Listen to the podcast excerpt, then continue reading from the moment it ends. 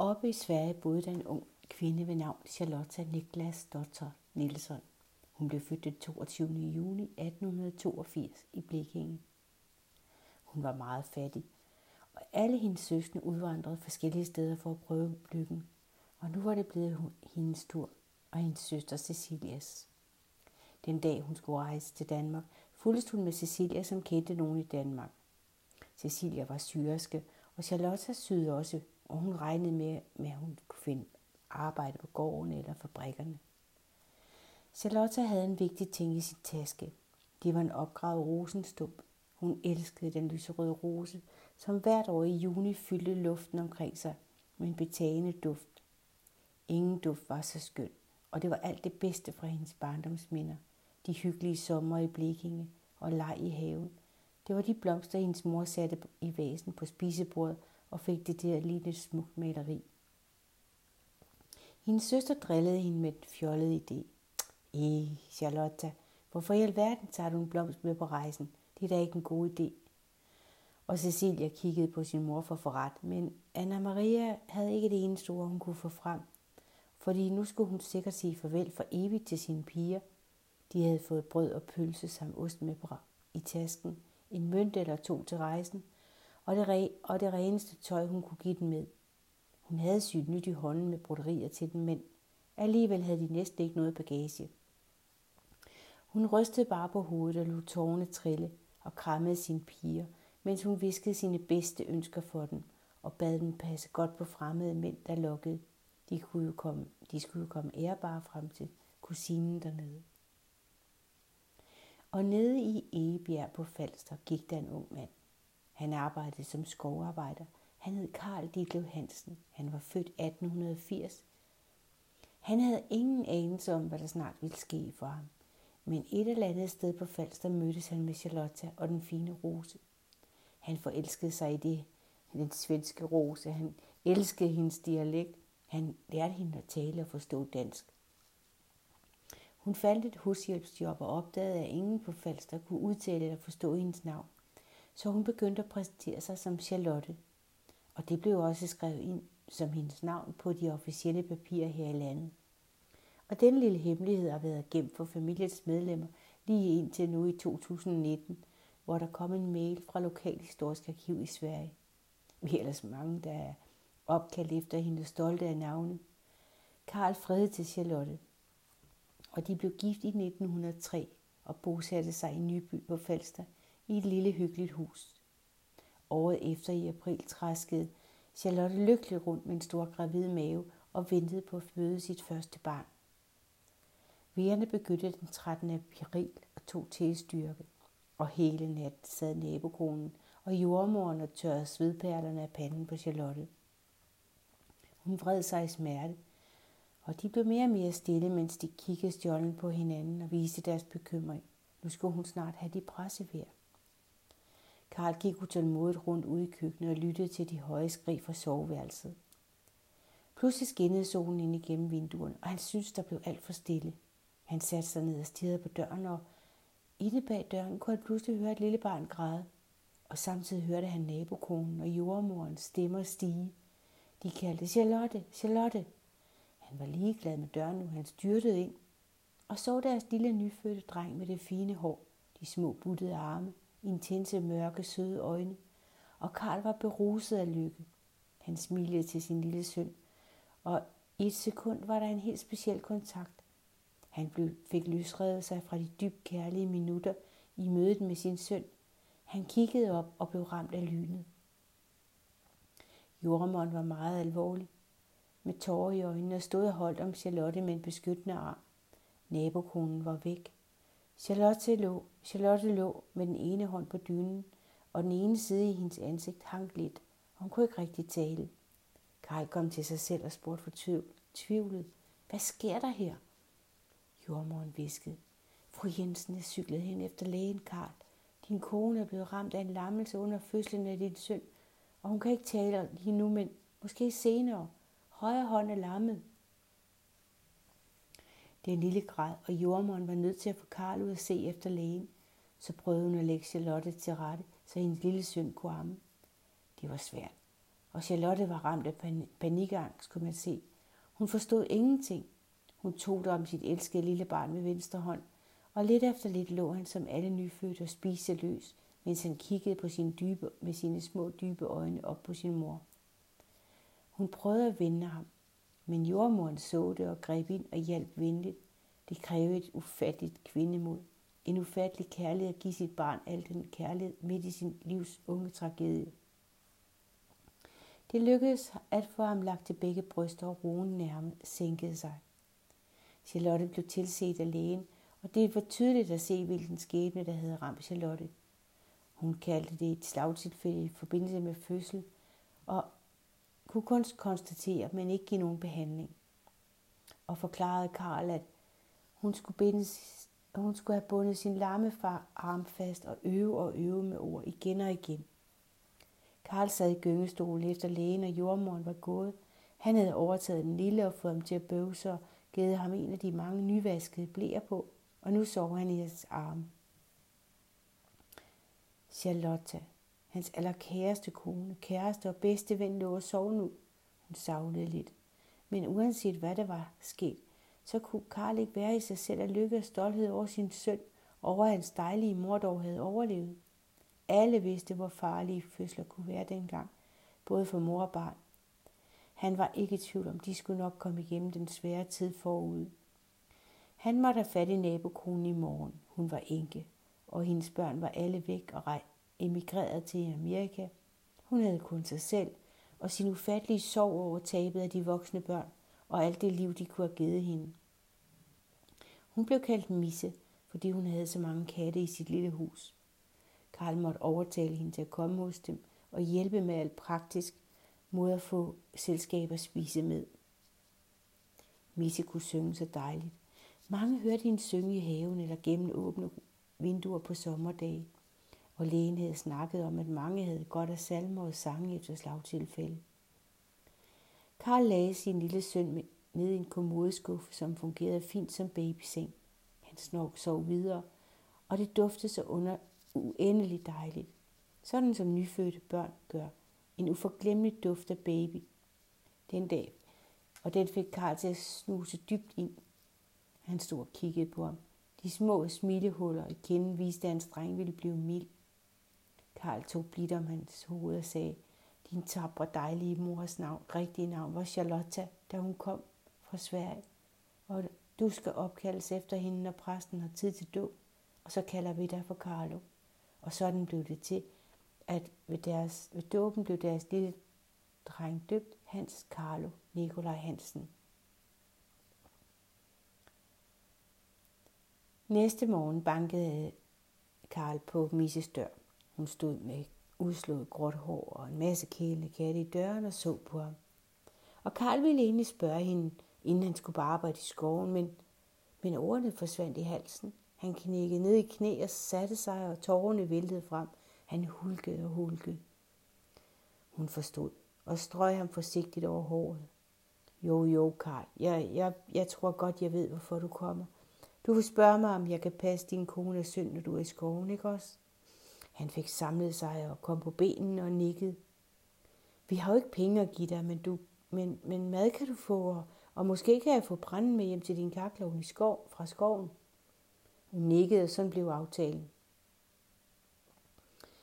Nu kunne han cykle på arbejde, og hun havde pludselig fået en mening med livet igen. Nogen havde brug for hende. Hun tog noget syltetøj fra kurven og gik over til Charlotte og Carlo. Udenfor var foråret ved at tegne sig, og alle steder dukkede der blomster og knopper frem. Det var midt i april, og stadig koldt i vinden, men miraklet var hvert år denne skønne årstid. Charlotte prøvede at smile, og nu gik Misse i gang med arbejdet. Hun fandt nogle gamle stykker lag, som hun brugte til at binde den lammede arm et stykke op, så den ikke hang og dinglede. Misse viste Charlotte, hvordan hun kunne lave alt muligt med venstre hånd. At få knappe kjoler og få tøj på var en kamp, men hun lærte at løse alle de udfordringer, som dagene bød på med stille, styrke og mod. Misse sang alle de sange, hun kunne huske hver gang. Hun sang omkvæd. Så prøvede hun at få lokke Charlotte til at synge med, og det begyndte langsomt at gå fremad. Nogle gange kunne Misse blive hjemme og ordne sin have, og så kunne Charlotte aflevere Carlo nogle timer. Det nød han. For kattene, alle kattene var hans legevenner, og de blev rolige og spændt, når han nussede dem.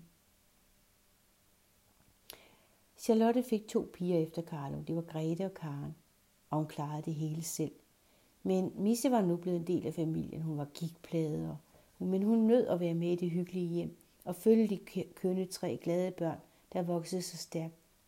Og på femårsdagen efter sin lammelse skete der noget nyt, som ændrede hendes liv. Det var en lørdag eftermiddag. Karl havde fået fri fra arbejde, og Carlo havde snart fødselsdag den 14. april. Charlotte var ved at smøre eftermiddagsmad med ost, da hun hørte en larm udenfor. Hun kiggede ud og så Karl stå og tale med nogen, der afleverede noget indpakket stort til dem. Men de havde jo ikke bestilt noget. Hvad må det kunne være? Karl stod og lyste af glæde af forventning på havegangen. Han klappede et stort jernbord og bare på en brun trææske. Hun stod målløs. Hun forstod slet ikke, hvordan det kunne ske. Det var en trædesymaskine og et bord. Men Karl krammede hende og løftede hende op. Du kan sy alt, min allerkæreste. Du kan tjene penge på at sy for andre og lave tøj til os. Det var den største gave, hun kunne få. Hendes mor havde også haft sådan en i Sverige, men de var vældig dyre, og indtil hun blev syg, havde hun syet i hånden.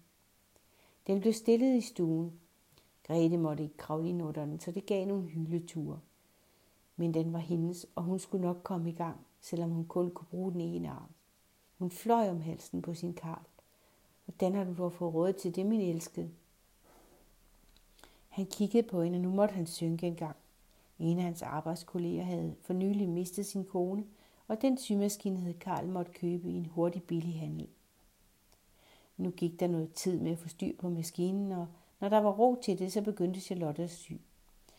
Hun lagde stoffet på bordet med lodder fra vægten, når hun skulle klippe det. Så gled det ikke væk. Misse sad også tit og strikkede og hjalp de tre søskende og gav en hånd, hvis der skulle stryges. Så var det nemlig hende, der tog sig af det. Og folk i Nyby og omegn var så småt begyndt at finde Charlotte, hvis noget skulle repareres. Det var hun dygtig til.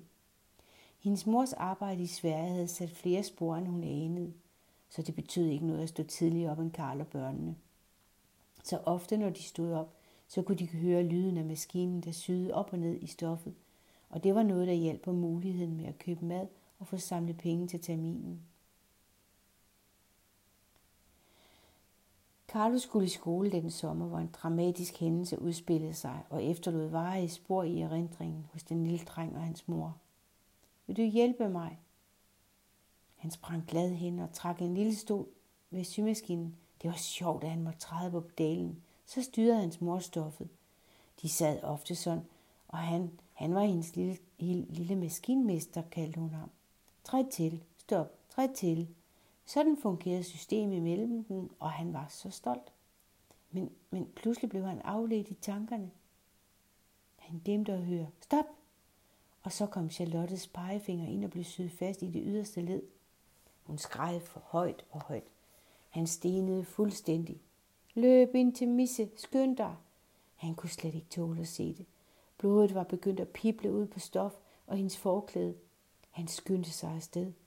Og imens vågnede Både Karen og Grete fra middagssøvnen og græd, og han hørte alt for tydeligt, mens han bankede på hos Misse. Hun forstod ingenting, men hun fulgte med, og larmen fra nabohuset var nu så gennemskærende, at flere naboer kom til.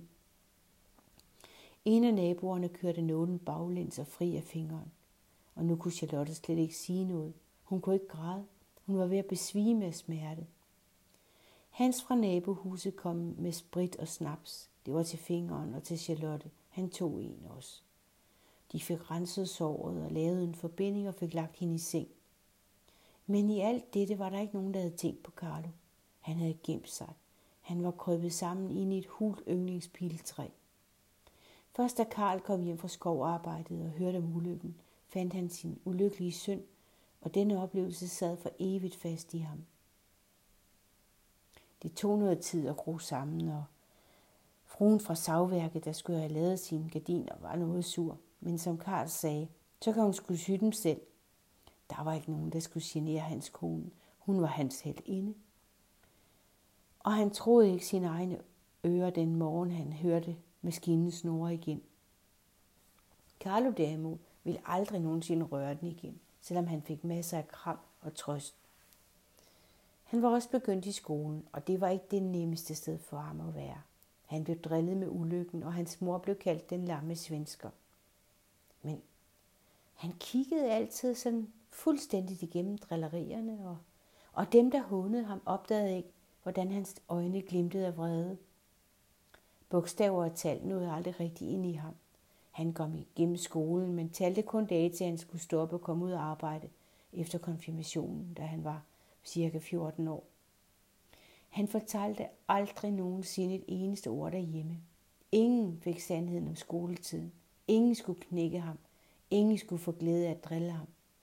Ja, han havde sit røde hår, og ja, han havde måske temperament i sit blod, men al den smerte, han havde oplevet, gjorde ham til en stedig og stille kæmper for sin sag. Kæberne knirkede, når nogen gik over stregen. Men hvis han kunne finde en skæv humorvinkel, så var han mester i at forændre en pressestemning til en afvæbnende latter. Den ballast havde han fået hjemmefra fra både Karl og Charlotte. De gav aldrig op. De bar deres skæbne sammen, og den knyttede dem endnu tættere sammen for hver gang, der indtraf modgang. Karen og Grete lærte hurtigt at tilpasse sig deres mors handicap, og hun kunne altid få dem til at grine. De sugede til sig i skolen og havde let ved det, og mange gange hjalp de Carlos til at forstå bogstaver og tal, men det blev ikke der, han fandt styrke. Han vidste godt, der var forskel på ham og dem, men det gjorde ikke noget, for hvis det var noget, han vidste, så var det, at han var elsket. Og han kunne slæbe, han kunne bære brænde, han kunne hugge brænde, han kunne stable. Han kunne hjælpe naboen med at tække hus, det forstod han. Håndværk faldt ham nemt, og han fik flere og flere forfaldende job fra han var 10 år, til han måtte flytte hjemmefra. Charlotte kunne næsten ikke slippe sin søn. Det var som en hun synede, lidt hen og savnede og sovede over sin første fødte, der pludselig ikke var i huset længere. Den mundre stemning, han gav, den varme og kærlighed, han havde til sin mor og far og søstre, var som en usynlig kraft, der nu var væk. Pigerne prøvede at opmuntre deres mor.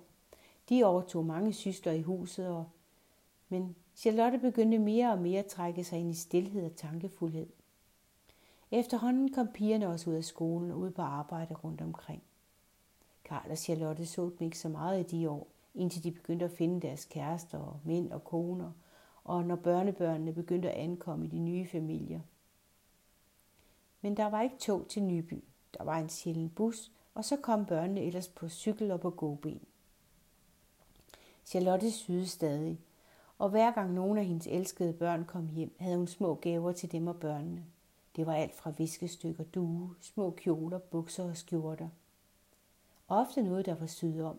Noget, hun havde fået af andre, som de mente, hun kunne trylle med, og det kunne hun.